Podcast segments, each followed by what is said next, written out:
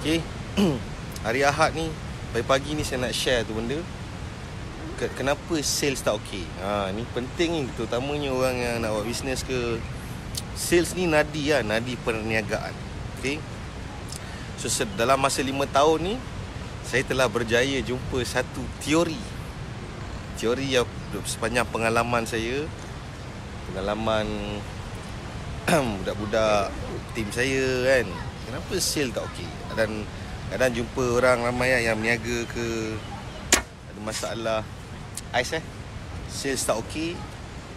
Kenapa kan? Jangan lupa kongsikan live ni. Okay Clear tak suara? Boleh dengar? Uh, So sebelum tu Boleh tahu tak korang Tengok live ni daripada mana? So saya kenalkan diri Nama saya Aziz Walter. Okay Saya um, adalah uh, Pengasas kepada jenama Walter. Ada lima jenis perniagaan Dan lima tahun ni guys Saya dah banyak gila fail lah. Banyak kedai dah tutup. Banyak tim yang saya develop dah belah. Banyak budak-budak yang dah pandai Dah buka sendiri. Banyak gila lah fail. Rugi lah berjuta-juta lah. So Alhamdulillah Iaitu yang Buatkan saya ada kat level ni lah. Dan satu level Satu tahap Lain sikit. Okay. Dan So hari ni Nak nak share tentang Kenapa sale tak okey? So kalau kita tengok um, kalau kita tengok um, satu kita kena faham lah okay, tips dia terpulang lah siapa yang jual online ke jual offline ke baru nak start jadi agent ke jual-jual barang ke apa benda semua okay so key dia guys key dia key dia macam mana kita nak memastikan sales kita okey key dia adalah kita kena pastikan ramai orang tahu tentang apa yang kita jual ataupun apa servis kita buat. Kena pastikan ramai orang tahu. Okey? Kerja-kerja memastikan ramai orang tahu ni nama dia adalah pemasaran, kan? Pemasaran. Kan? So pemasaran ada banyak jenis. Ada pemasaran secara online, guna Facebook Ads, guna Facebook personal ataupun pemasaran um, melalui Instagram ke, uh, Google AdWords ke dan pemasaran secara uh, mata bertentang mata ataupun melalui panggilan telefon pemasaran. Nak kerja-kerja nak bagi tahu orang eh aku ada jual benda ni. Kan? So sebenarnya sepanjang 5 tahun ni saya dapati lah melalui pengalaman saya. Jangan lupa guys kongsikan live ni. Confirm insyaallah ramai orang dapat manfaat eh. Sebenarnya ni penting ni. Setelah 5 tahun so faham eh. Tadi ke, sebenarnya nak kenapa sales tak okey? Sebab ram, tak ramai orang tahu tentang apa yang kita jual atau apa yang kita buat. Betul tak? Tu key dia. Okay, so se, sepanjang pengalaman saya saya ada teori bahawa problem utama kita kan problem utama usahawan dia sebenarnya bukan pasal bisnes apa kita buat produk apa kita jual, servis apa kita buat. Problem utama yang paling besar kita perlu selesaikan adalah kemampuan untuk kita dorong diri kita jauhi daripada sifat malas. Okey. Sebenarnya contoh, contoh dia jadi ejen, barang dia banyak kat dalam rumah tak terjual. Sebab apa? Bukan sebab tak ada orang nak beli, sebab dia tak cerita kat semua orang. Kan? Faham tak guys? So kita tak cerita So so Apa cara So semua orang sebenarnya ramai orang Dia, dia jual satu benda Bila ramai orang tak beli Dia give up jual benda tu Ataupun dia give up nak buat bisnes Bila sale dah tak okey Dia give up Tapi dia tak fair buat penilaian. So kita kena kena ada satu penilaian. Maksudnya Berapa jumlah Katakan Facebook kan Berapa ramaikah followers kita kat Facebook? Berapa ramaikah iklan kan? Page yang kita buat iklan berapa banyak reach? Ataupun kalau kita cerita kat orang berapa ramai dah orang yang kita cerita? Selalunya hanya dalam 5% daripada itu saja yang ada potensi untuk beli. Betul tak kan so tapi ramai orang dia baru jumpa 5 orang yang dia cerita pasal produk dia 5 orang tak beli so dia anggap produk dia tak okey betul tak sepatutnya kita kena kena kerja kita adalah untuk first bukan pasal nak kena pastikan barang kita jual. So kita kena terbalikkan mindset kita. First kerja kita adalah untuk pastikan kalau right, contoh kalau kita jual barang produk produk kita katakan macam tuan Hisham ni jual dekat mana? Uh, Manjung kan kat Manjung. Pastikan seluruh rumah ataupun manusia yang berada di Manjung tahu tuan Hisham punya produk jual apa Tupperware ke benda pastikan seluruh rakyat Manjung tahu. Kalau tak ada seorang pun beli barulah kita boleh cakap bahawa confirm kat Manjung orang tak nak beli tapi kita tak boleh stop jual barang tu sebab kita belum pergi Teluk Intan lagi.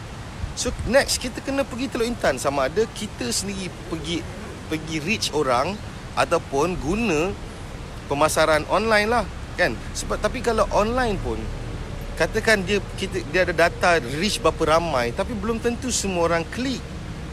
Eh maksudnya saya punya teori sebenarnya kenapa sales ramai yang tak okey sebenarnya ramai orang malas. Ha, ramai malas. Sebenarnya problem utama kita, problem utama usahawan bukan pasal produk apa paling okey, tak bukan pasal ekonomi, pasal kita malas.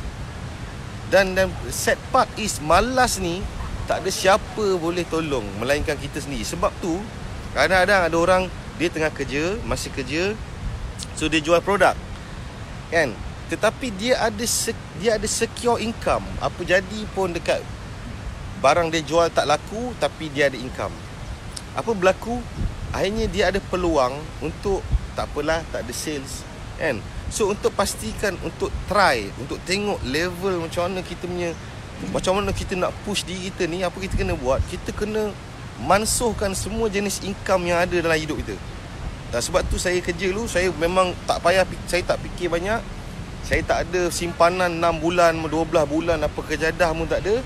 Saya memang kering Saya. Berhenti Because Saya nak challenge diri saya Nak tengok Kau lembik ke Kau keras. Sebab Setiap hari, 30 hari bulan Bank akan call. Pergi mampu sama punya barang Tak ada nak beli ke apa Bank tak peduli. So macam mana kita nak push diri kita? Betul tak? Kan? So belanja lagi guys emoji love banyak kita kita punya energy pagi ni. Betul tak? So kena ramai lah. Itu okey kedua setuju tak guys? Ramai orang yang orang biasa punya mindset. Bila nak buat bisnes bila nak meniaga first dia akan jual kat kawan dia. Betul tak?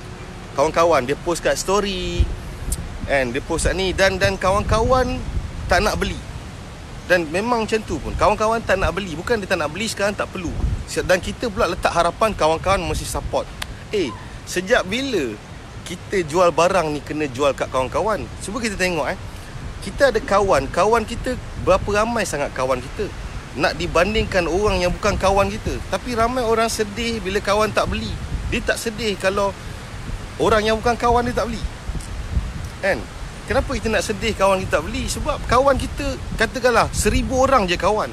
Ada 29 juta lebih lagi yang bukan kawan. So apa hal kita nak menangis, nak rasa nak rasa sedih. Guys, yang kedua, saya faham. Masa macam saya, masa saya mula meniaga dulu. Bila kita bagi tahu kawan kita aku ada jual ke family ke apa, tanggapan dia orang satu. Dah lah tak nak beli. Betul tak? Lepas tu dia dia boleh bagi pendapat kalau nak jual ni sekian sekian sekian eh aku nak jual barang kat kau aku bukan nak minta kau punya advice. Betul lah guys? Kan? Ramai kawan-kawan kita kita jual contoh kita jual kek kat kawan-kawan kita. Kawan kita cakap eh jual kek ni susah. Eh kepala otak kau aku bukan nak kau punya advice. Aku nak jual kek ni. So kita kena kita kena faham. Apa sebab kita nak kena dengar advice orang yang tak buat macam kita? Betul tak? Jadi ada kawan-kawan akan negatif kan? Uh, kenapa jual macam ni? Kenapa buat buat macam ni? Macam saya jual dulu lah minyak ambuk. Kenapa tin dia macam kiwi? Eh aku nak jual ni. Aku bukan tanya kau tin dia okey tak? Kan? So sejak tu kan saya memang faham. Guys dan satu lagi guys. Kita kena berterima kasih kepada semua orang yang negatif ni. Dan bagi saya Orang-orang yang negatif ni Wajib kena ada dalam ekosistem ni Kerana Disebabkan dia orang ni Disebabkan bangsat-bangsat yang ada dalam masyarakat ni yang membuatkan kita jadi fighter. Betul tak guys? Apa jadi kalau semua orang support kita daripada since day one kita tak jadi championnya ni? Betul tak? So orang-orang yang bagi negatif yang bagi bagi apa bagi pendapat lah tak, dah lah tak nak beli cakap macam-macam lah ni tak ada masa depan lah. Ha, kau nak buka kedai gunting rambut? Kau tak pandai gunting rambut? Eh! Apa saya kena kena cakap? Aku boleh ke tak? Aku tak perlukan kau punya advice. Kau duduk diam-diam sana. Betul tak? Eh, jangan sampai saya baling kursi ni tu Fizul. Geram. Dan saya nak bagi tahu semua orang kan kawan-kawan, janganlah lembik. So wajib bagi saya, saya harap orang-orang yang negatif ni mereka perlu terus hidup dalam ekosistem ini kerana kehadiran mereka ini yang akan memarakkan api perjuangan dalam diri kita. Betul tak guys?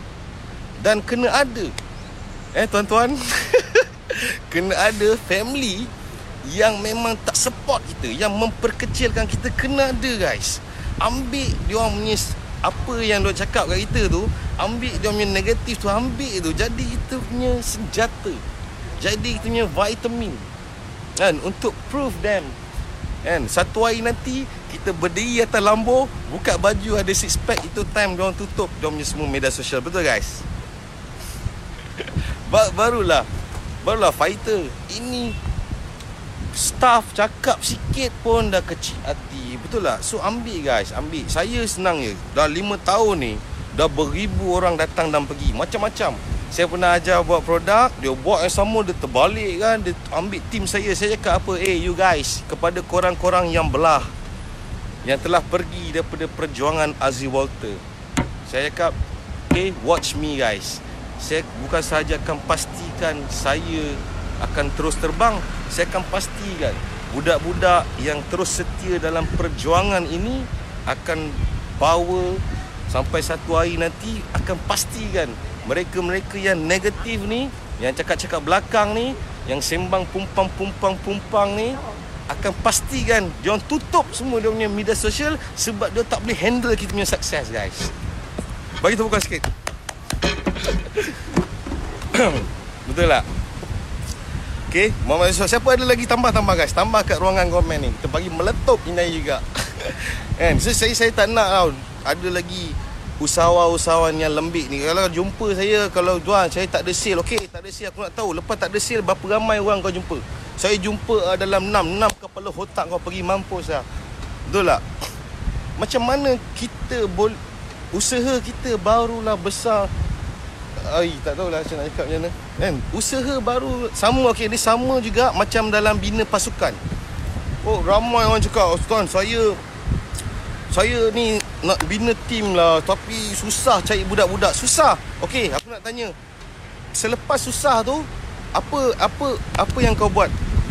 Berapa channel kau guna untuk buat rekrutmen? Berapa tempat kau buat iklan?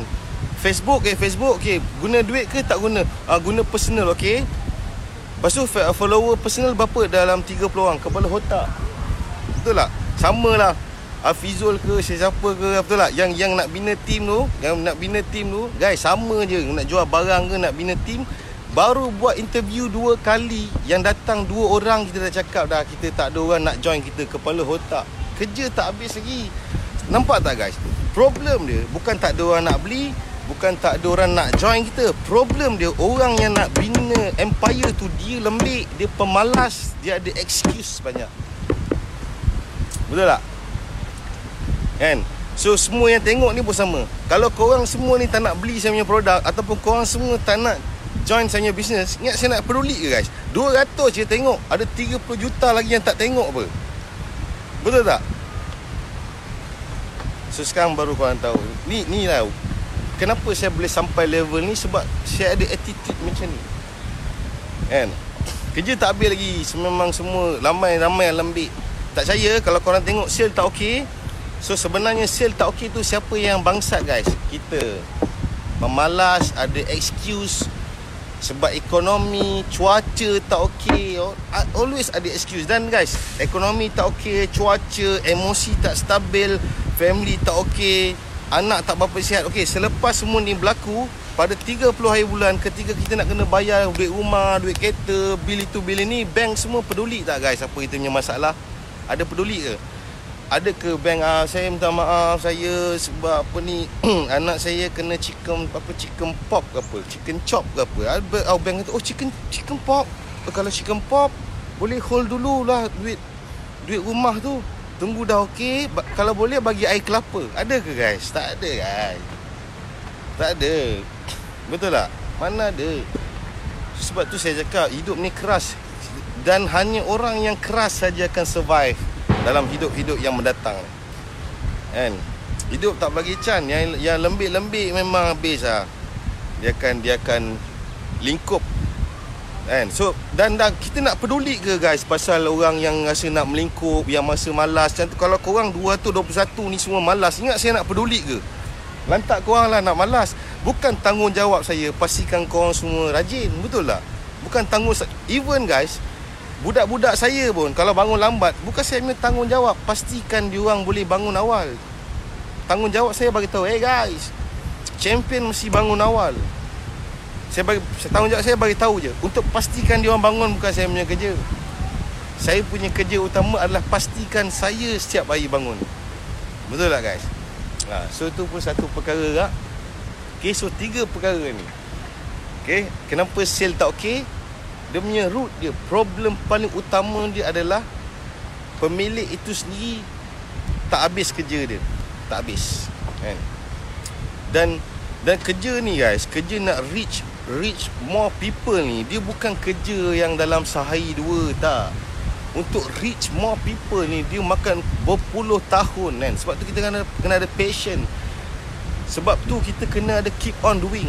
Memang dalam dalam proses tu kita akan kena kereta kena tarik tak boleh bayar yuran apa semua ni akan berlaku kan. Tapi kita kena keep on doing passion terus reach more people.